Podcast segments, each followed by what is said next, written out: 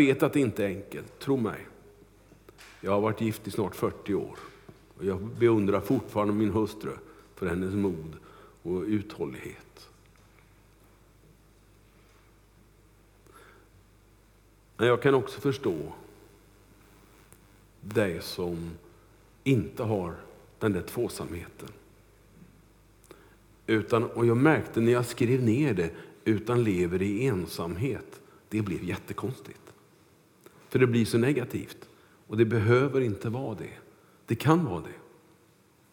Och Det är därför som det känns som att det är lite minerat här runt omkring mig idag på, eh, på estraden.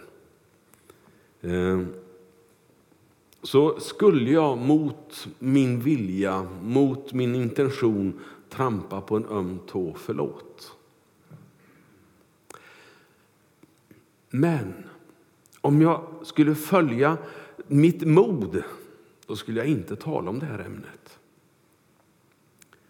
Men jag vill ändå följa Guds ord och ändå försöka, och jag menar verkligen det, försöka lyfta de här frågorna så gott jag kan.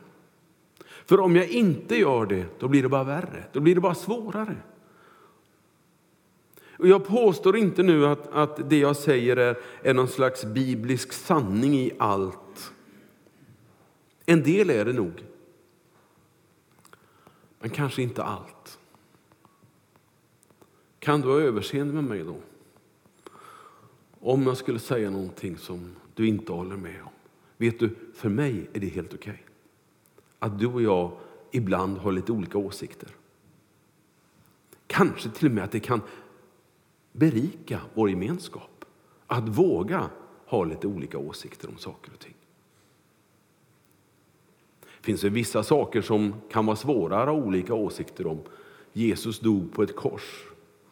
Det är lite svårt i en församling, en kyrka, en kristen kyrka att ha olika åsikter om. Men det finns så mycket annat.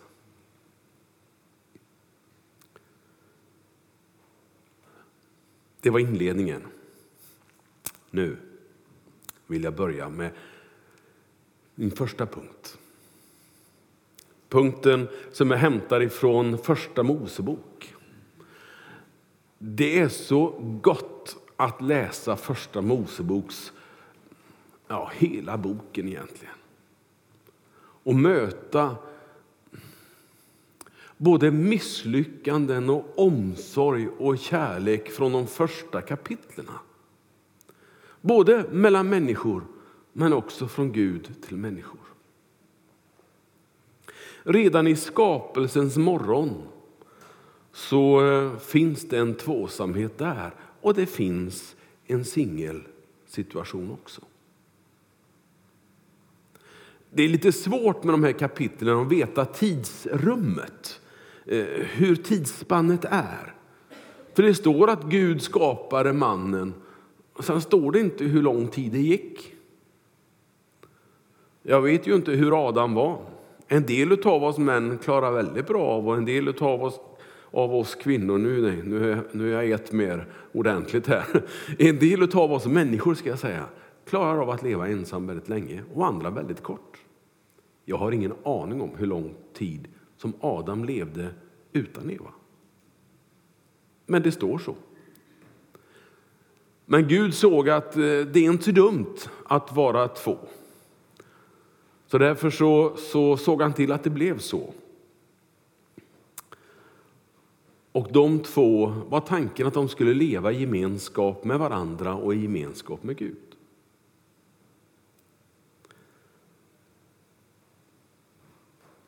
Det står till och med att han skapade dem till man och kvinna. Han skapade dem, men i en annan översättning så finns det till manligt och kvinnligt. Och Det där är inte heller alltid så populärt att säga, därför att en del tycker att det ska inte finnas så. Den typen av skillnader ska inte finnas. Men jag hittar den i Bibeln och jag tycker jag hittar den överallt i våra liv också. Det finns manligt och kvinnligt, varför förneka det? Det står också i det där andra kapitlet som jag eh, använder mig av en del. Att eh, Det var tanken att de skulle leva som jämlikar. Det fanns inget, inget tänk att mannen var viktigare än kvinnan bara för att Gud började med mannen. Det finns ju så många härliga små anekdoter om det där, eller hur? Han skapade en kladd först och så originalet sen. Och det finns många sådana där som vi kan skämta om och tycka är lite roligt och le åt.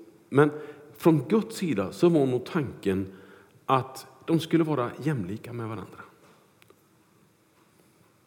Det fanns inget som var viktigare än den andra. Det fanns ingen som var bättre än den andra. Utan man kompletterar varandra. Man skulle hjälpa varandra. Det var inte bara kvinnan som var en hjälp för mannen, även om just det uttrycket finns där. Jag tror att det var precis lika mycket tvärsom. Det var tanken. Tanken var, skriver författaren till Första Mosebok, också att så småningom sen så skulle människan en dag överge sin mamma och pappa. Och Det står faktiskt att mannen skulle göra det. Och Jag funderar på ibland varför står det så om mannen, varför står det inte så om kvinnan? Och Ibland tycker jag att det blir så tydligt. Det är precis som att en del av oss grabbar och män har lite svårare att överge mamma. Och ibland är det lite gulligt. Men det finns också tillfällen när man verkligen skulle önska, hörru du, det är dags att lämna nu och låta er två få bli det viktiga. Du måste se din kvinna som det viktigaste, inte mamma. Håller ni med mig? Jag ser att en del av er drar lite på mungiporna och kan känna igen det där. Därför att det, ibland så är det som att mamma, svärmor eller svärfar eller vem det nu är har lite svårt också att lämna. För det, man älskar ju de där. De var ju så små och gulliga, nu är de lite längre och har tagit över. Men man har ändå svårt att lämna dem. Man vill gärna vara med och, och, hindra dem från att ramla i diket, brukar man ju säga, eller har jag sagt någon gång. Varför ska de göra samma misstag som jag? Ja, varför inte? För jag har lärt mig genom mina misstag och det måste jag ha förtroende för dem också. Ibland så måste jag också släppa taget om mina barn. Vi som är morföräldrar och farföräldrar och allt vad det nu är man har glädjen av att få vara när man blir lite äldre. Vi måste våga släppa taget. Utan att släppa omsorgen och förbönen för dem, men kanske inte förväntas att de ska göra allt som jag säger och tänker och vara allt som jag är och har gjort. Utan de måste få vara egna individer som hittar en partner i livet och som blir det viktigaste. Det där är en smärtsam process för föräldrar. Jag ska inte säga att vi har gråtit jättemycket över detta i vår familj, men det är ändå lite smärta i det där som ganska snart då kan bytas i glädje när det blir nya sådana här smågodingar som dyker upp hemma. Som heter i vårt fall Elias och Ester och är tre år och ett år. När barnbarnen kommer så blir det liksom glädje igen på något sätt. Och så är det så, vad heter det, de lever rullan i huset och ställer det upp och ner. Så när de åker sen så, vad tyst det blir. Och så kan man sitta och fundera på det en stund, vad märkligt det är. Men det, det hänger ihop med det här att man måste släppa taget om sina barn en dag. De är vuxna, de måste få ta eget ansvar. Det är inte längre på mig som far ansvaret vad mina barn gör i sitt liv.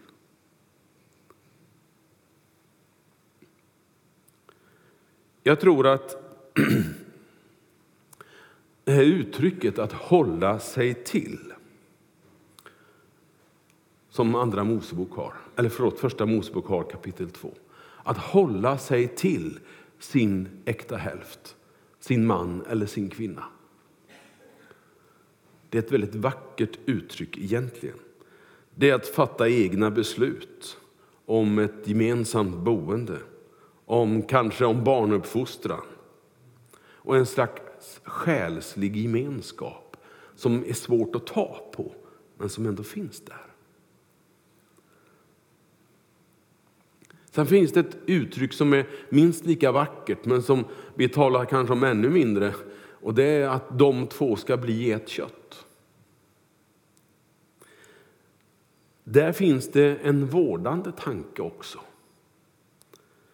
Att man tar hand om det som är mitt, det som är jag.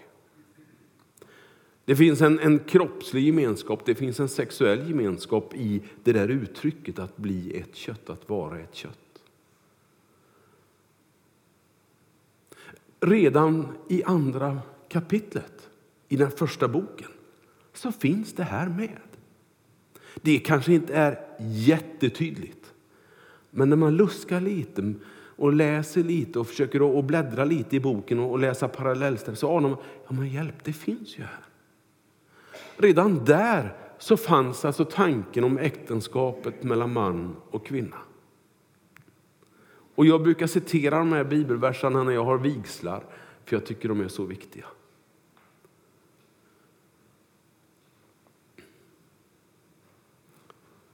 Att bli ett kött. Att sätta bo tillsammans, att börja leva tillsammans. Det är inte att vara perfekt. Det är inte att alltid ha ett leende på läpparna och se på varandra och ni vet de där tindrande ögonen. Det finns det också, men kanske inte jämt. Ibland kanske det skaver lite. Ibland kanske det gör lite ont. Men det är likväl ett kött. När det gör ont så gör det ont i bägge två.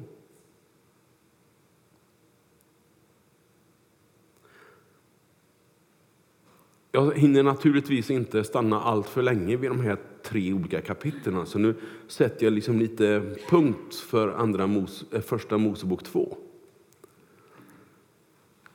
Och så skulle jag vilja gå till undervisning som Jesus har.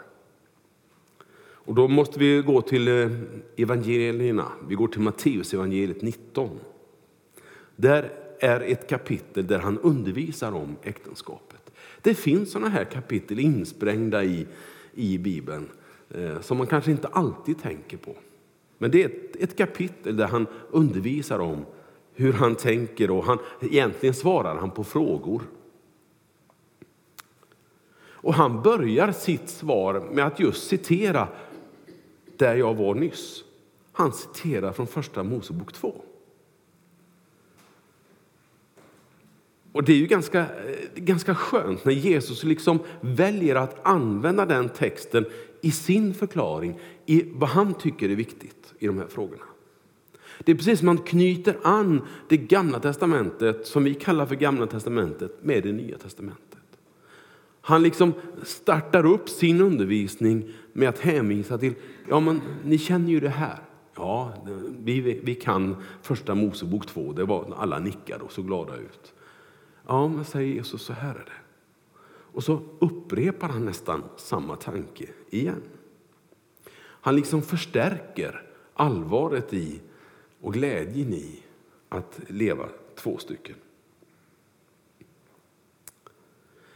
Att vara ett kött, säger Jesus och antyder i det att det finns en möjlighet att vara ett kött och ändå två individer. För det tror jag också är viktigt. Mitt i alltihopa det här när man ska vara tillsammans, när man, när man liksom delar livet, så måste man också kunna vara två individer. Man måste inte ha exakt samma eh, intressen i livet. Man måste inte alltid följas åt i alla delar. Det kan finnas till och med vits med att man har lite olika intressen.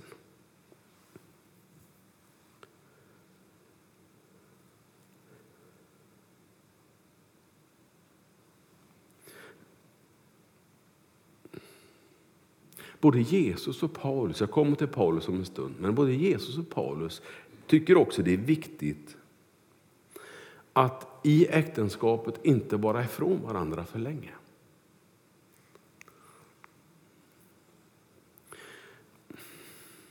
Ibland är det inte frivilligt. Jo, äktenskapet är alltid frivilligt, det hoppas jag verkligen. Men jag tänker på att vara ifrån varandra. Och nu landar jag i förra hösten.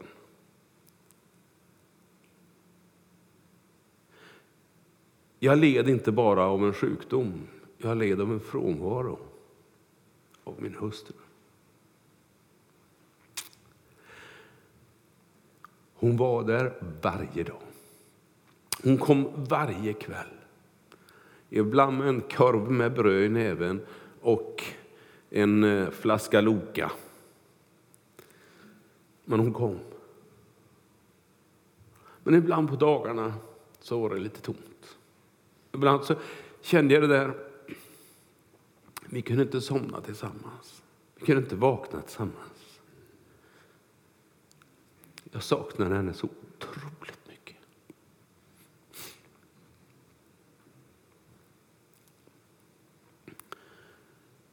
Jag tror att man ska försöka att ta alla chanser man har att vara tillsammans.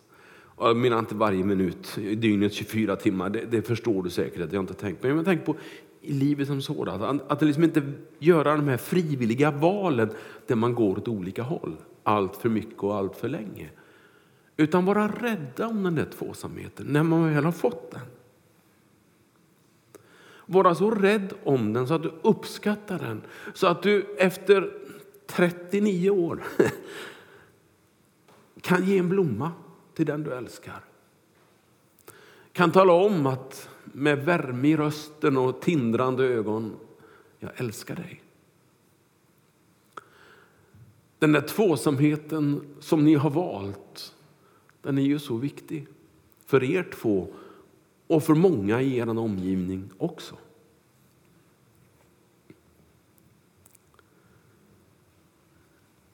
Men jag tror på samma gång som jag säger att det finns en, en individualism även i äktenskapet, man måste kunna vara två personligheter, så tror jag på en personlig utveckling som inte är på bekostnad av tvåsamheten. Det måste finnas ett spann emellan. Det här när man, när man liksom blir två personer som glider ifrån varandra till att man är två personer som aldrig kan vara ifrån varandra i något avseende, någon gång överhuvudtaget. Alltid måste känna att man måste ha samma åsikt och tycka och tänka om samma sak och vara på samma ställe. Det måste ju finnas ett spann här emellan. Och här skulle jag vilja uppmuntra dig att vara. Ibland kanske du glider lite åt det ena hållet, ibland glider du lite åt det andra hållet. Det gör inte så mycket. Men försök ändå prata om det här. Det finns tillfällen i tvåsamheten när, man, när barnen flyttar hemifrån och man upptäcker, oj hjälp, nu är det bara du och jag älskling. Hur ska det här gå? Jag har ju knappt sett röken av det sen, sen vi var på BB första gången. Vad har det blivit av vårt äktenskap? Vad har det blivit av vår tvåsamhet? Och det är en del äktenskap som kraschar där. Och då kan det vara för sent att ändra på det. Så även om du har fullt upp med hur många barn som helst, även om du har ett helt schema fullt med alla möjliga uppgifter, försök att hitta en möjlighet att också vara tillsammans. Bara du och din partner. Försök att hjälpas åt. Ibland kanske det kan vara så att vi behöver tänka på den som inte har mormor, morfar och farmor och farfar runt hörnet. Kanske vi behöver ibland säga, jag kan vara barnvakt hemma hos er. Ta en helg tillsammans, vi kan ta barnen. Vi behöver tänka på varandra för att hjälpa varandra med den där tvåsamheten. Jag vill också säga i undervisning som Jesus har Du märker kanske att jag inte citerar bibelställena, utan jag talar om dem. Det är därför att det, det, det, det är så mycket. Så det är därför jag inte vill, vill läsa de här kapitlen rakt upp och ner. Men om du läser dem sen ska du finna att det jag säger det finns förankrat där i de här, på de här ställena. Jag sa förut att äktenskapet inte är tvång, tack och lov. Eh, och I vår kultur och i hur vi läser vår bibel så ser vi att äktenskapet ska vara grundat i en kärlek och på frivillig basis. Det är de två som ska välja, inga andra. Men singellivet då? Jag vet du, det är ingenting som säger att det måste vara en tvåsamhet. Och här verkar både Jesus och Paulus vara överens om att singellivet är okej. Okay. Och då menar jag inte nästan okej, okay, utan det är okej. Okay. Förstår du? Ibland i våra kyrkor så kan det vara så att nästan allt vi gör bygger på att det är man och hustru som är med. Har ni tänkt på det? Inget uttalat. Jag tror inte det står i stadgarna, Patrik. Jag har inte läst det där i alla fall. Eh, det, vi har aldrig sagt i ett församlingsmöte, vi har aldrig sagt det från talarstolen att allt det vi gör det ska bygga på att man är man och hustru. Men det kan verka så ibland. Men det måste finnas också utrymme för den som väljer att själv leva som singel. För det är ett val man kan göra. Och det vill jag gärna respektera. Och det är helt okej. Okay.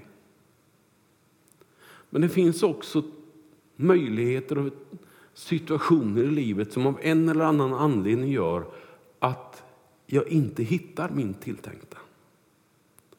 Och då vill jag ha respekt för det också. Och inte dyvla på äktenskapet som ett måste. Inte lägga sten på börda. Utan jag tror att du kan vara till rik välsignelse. Och möjligheter i livet behöver inte vara färre om du är singel. Men här tror jag också att vi som kyrka och församling kan hjälpas åt. Hur många var det som inte hittade sin tilltänkta Ja, bara i den här församlingen förresten har jag hört några stycken som har varit med i blåsorkestern och farit runt och hittat på både Hönö och ja, allt vad det nu var. Eh, lite olika ställen, sina tilltänkta. Kan det stämma? Ja, det är några som känner igen sig eller har hört talas om det i alla fall. vi är inte riktigt på det sättet längre. Vi är inte lika mycket och gästar varandras kyrkor och församlingar. Och det kanske vi också behöver fundera på. Nu är vi ingen äktenskapsförmedling direkt heller, eller hur? Det är ju inte det jag är ute efter. Men de här möjligheterna att hitta, att träffa människor som jag kan bli kär i, det är också en viktig sak. Jag har ingen lösning på det. Jag har inte, inte liksom en genomtänkt strategi för det här. Det, jag måste säga det, men, men jag, jag har förståelse. Och jag är beredd att prata med dig. Jag tycker att vi ska prata om både det glada och goda i äktenskapet såväl som problemen i äktenskapet som kan komma. Jag tycker vi ska prata om det goda och positiva med den som väljer att leva singel. Men också vara beredd på att kanske gråta med den som längtar efter en tvåsamhet men inte har. Ursäkta. Innan vi drar iväg för långt så måste jag också nudda vid Paulus. Och då, då är man i första Korinthierbrevet 7. Det är kapitlet som Paulus undervisar mycket om, om eh, äktenskapet ur en, ett församlingsperspektiv. Eh, och det, det blir lite extra intressant tycker jag. Första Korinthierbrevet är skrivet som svar på olika frågor som Paulus har fått ifrån människor i Korint. Det var en del riktigt allvarliga problem man hade i församlingen faktiskt, som eh, jag har svårt att hitta i dagens församlingar. Men riktigt stora, svåra problem. Men det var också problem som rör kring hur, hur man levde tillsammans i församlingen. Där fanns problem som eh, eh, eh alla möjliga typer av relationsproblem. Både i tvåsamhet, eh, i sexualitet, ja, you name it. Det fanns i, i, i Korint. Och det, det hängde ihop med samhället lite grann. Korint var ett, en väldigt, ska jag säga, en, en hopakok av en massa kulturer och en, en massa olika religioner. Människor som eh, kom ifrån massa olika platser och som möttes och som blev lite vilsna och som eh, anammade saker som inte hörde hemma enligt Paulus i en församling. Och han tar också upp och undervisar omkring äktenskapets frågor. Och även han liksom vill, vill liksom visa på, ja men, se nu till att om, om du har gift, Paulus var inte gift själv, det, det kanske du vet om. Ehm, han säger att om ni nu ändå gifter er, ungefär så resonerar han. Det bästa är om ni kan leva som singlar, för det gör jag. Han var ganska rak på det sättet. Ehm, men, men han, uttryckte det som att om ni nu ändå gifter er så håll ihop då. Ungefär så där. Ehm, för det var nog så att även på den tiden så hände det att man, att man levde i, isär på grund av jobb eller på grund av någonting annat. Jag vet inte, jag kan inte allt i deras kultur. Men han uppmuntrar dem att gör inte det, utan försök hålla ihop så mycket ni kan och så mycket ni har möjlighet till. Och han talar faktiskt en hel del om singellivet. Kanske mer än både Mose och, eh, och Jesus. Han ser positiva saker med singlar. Han ser, han ser liksom sig själv som jag hade aldrig kunnat gjort den tjänst jag har gjort och resa runt på det sättet som jag har gjort om jag inte hade varit singel. Jag hade inte vågat utsätta mig själv för de saker som jag blivit utsatta för och som jag har riskerat om jag inte hade levt som singel. Du vet, Paulus han rörde sig ju i kretsar där, där det var väldigt starka känslor för eller emot den nya tron. Eh, och ibland så fick han fly hals över huvud ifrån stan därför att man var ute efter hans liv. Någon gång så firade de ner honom ifrån en balkong för att han skulle hinna smita undan pöbeln. En annan gång så hann de ikapp honom och stenade honom så det står att han dog. Men eh, han fick livet tillbaka och kunde på något sätt ta sig därifrån. Han hamnade i fängelse i perioder av sitt liv som var ganska tufft, tror jag. Och han, han ser att ja, men här finns det, här har jag haft en, en positiv sak om mitt singelliv. Oj, nu ska vi se, nu har det hänt något roligt här. Hela min... Det bara försvann. Men jag hittade tillbaka, tack. Det är som med datorer, vet du, eller hur? Rätt är det så borta. Och så får man leta sig fördärvad efter det, men här är det. Eh, och jag kan se, åtminstone i, i början av vår rörelse, alltså ska vi säga 30-40-talet, när vi skickade ut hundratals missionärer. Och säkert flera från den här kyrkan också. Jag var ju inte här och kanske inte så många av er heller var här på den tiden. Men många av dem som då skickades ut var singlar. Det var eh, unga kvinnor. Det var unga män. Väldigt mycket unga kvinnor var det. Som drog iväg till Afrika, Kongo. Samma Kongo där Denis Mukwege idag bedriver sjukhus och hjälper människor och har fått Nobelpris för det. Det sjukhuset är startat i samarbete med Svensk Pingstmission. Eh, det fanns ett sjukhus före eh, Panzisjukhuset i Limera och det startades på 30-talet. Startades verksamheten där utav sjuksköterskor. På Kaggeholms folkhögskola så hade man en linje där man eh, utbildade unga tjejer framför allt, några killar också. För att kunna komma in på sjuksköterskelinjen, för att kunna åka till, till eh, som missionärer. Och det var singlar allihop. en del av pionjärerna som eh, blev evangelister. Ni vet de här som Eh, i Sverige ja, vill berätta om Jesus. Jag drar till Norrland, jag drar till Dalarna, jag åker till, till västkusten, jag åker till ostkusten. Där det inte fanns så många pingstförsamlingar. Redan då var ju Småland och Västergötland välbefolkade av kyrkor. Men det var många som drog åt de hållen där det inte fanns kyrkor.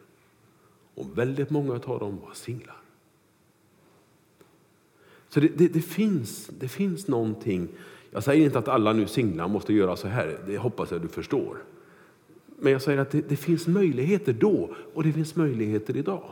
Jag vet inte exakt vad den möjligheten alltid kan vara, men jag är säker på att det finns möjligheter.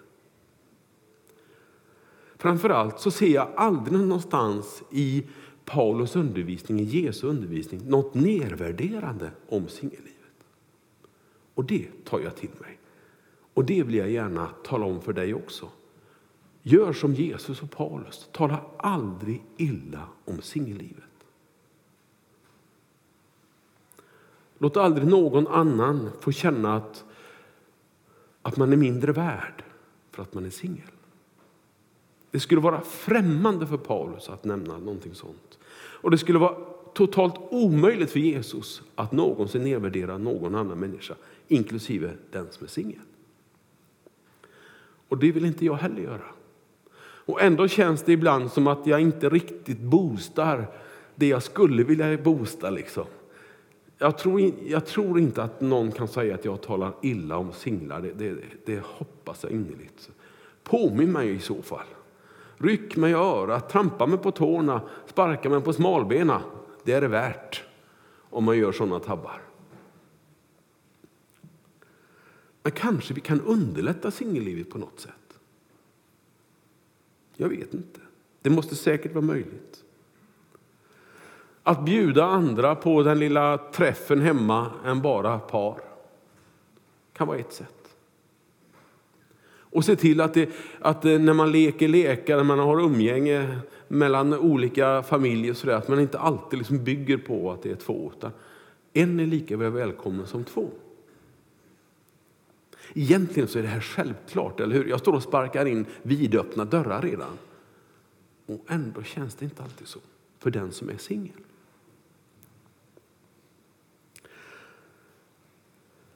Man ska inte heller, tycker jag då, och det verkar som att Paulus tycker på samma sätt, inte alltid se alla singlar som blivande eh, par.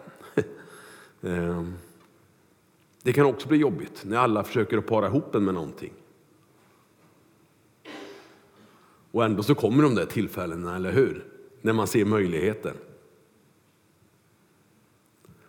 Men det, det, kan säkert vara jobbigt för den som är singel att alltid bli sedd som en möjlighet till att ja, men den personen skulle vara bra för dig. Vi får försöka vara lite försiktiga.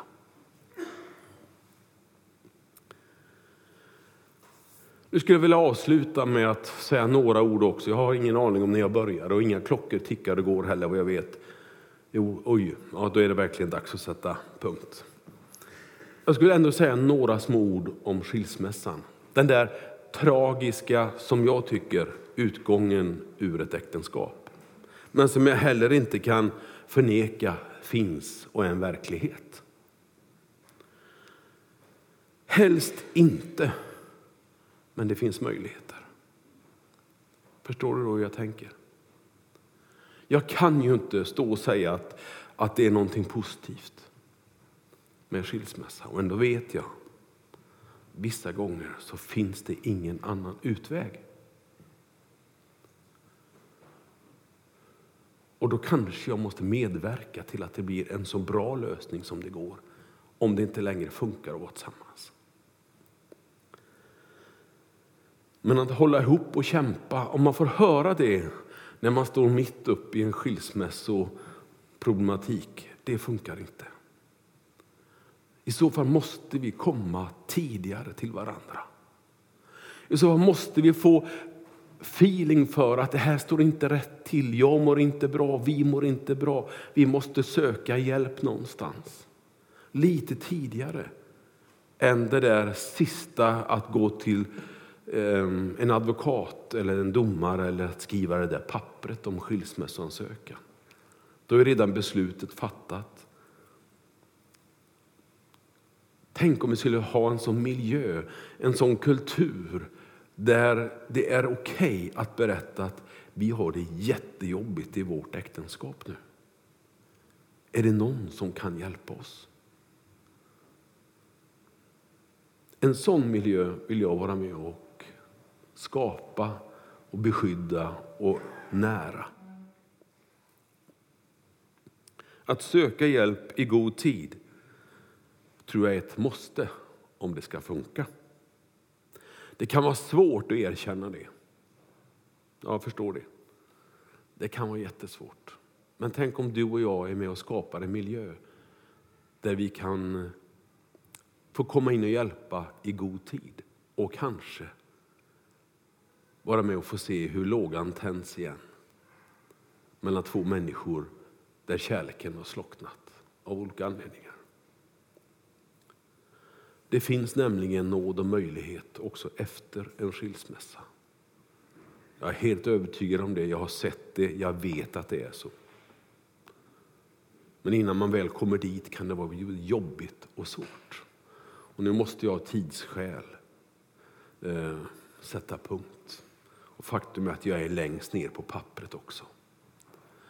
Och som du redan har upptäckt så har jag inte svarat på alla frågor, alla, alla funderingar som du har. Men jag skulle önska som sagt att vi har en kultur och en miljö i vår församling där det är okej okay att prata om sådana här saker. Där det är okej okay att fälla en tår när så är nödvändigt. Där det är okej okay att vara den man är. Och få vara det tillsammans med oss allesammans. Så hjälp oss att skapa den här miljön. Där det både kan vara jobbigt och där det kan vara enkelt och härligt. Men där det också kan vara alltihopa det här på samma gång. Det skulle jag önska att vi kunde nästan fattat ett församlingsbeslut på. Det vore något, det tror jag inte man kan göra, men förstår ni hur jag tänker? Att öppna upp för det här och att våga prata om det. Herre, nu vill jag inte upprepa mig längre, men jag vill ödmjukt, Herre, sälla mig till dem som ber för de här frågorna. Herre, samhället, världen utanför din församling har det jättesvårt med de här frågorna. Men Herre, jag ber, hjälp oss att eh, kunna hjälpa varandra att eh, klara av det här på ett bättre sätt. När det går i krasch, att vi kan vara med och hjälpa då. När det är livat och glatt, när allt är positivt, att vi då kan göra det på ett sätt så att det är schysst och kul tillsammans. Utan att någon skäms därför, utan att någon får skamkänslor. Herre, att vi kan välsigna varandras beslut i livet på olika sätt. Herre, jag ber, låt oss få tjäna dig som en församling med en miljö och kultur där eh, allt det här är okej. Okay. Där vi kan leva tillsammans på olika sätt. Amen. Amen. Det finns några saker, ja kom upp, kom upp. Det finns några saker som jag inte har sagt någonting om. Och det är eh, att leva tillsammans som man och man och kvinna och kvinna. Men det är en helt annan predikan. Eller hur? Jag hoppas ni förstår det. Eh, och jag tror att, att eh, den dagen kommer, kanske när vi har den predikan också, men jag är inte riktigt redo där än. Tack så mycket för att ni har lyssnat. Gud välsigne oss. Varsågoda.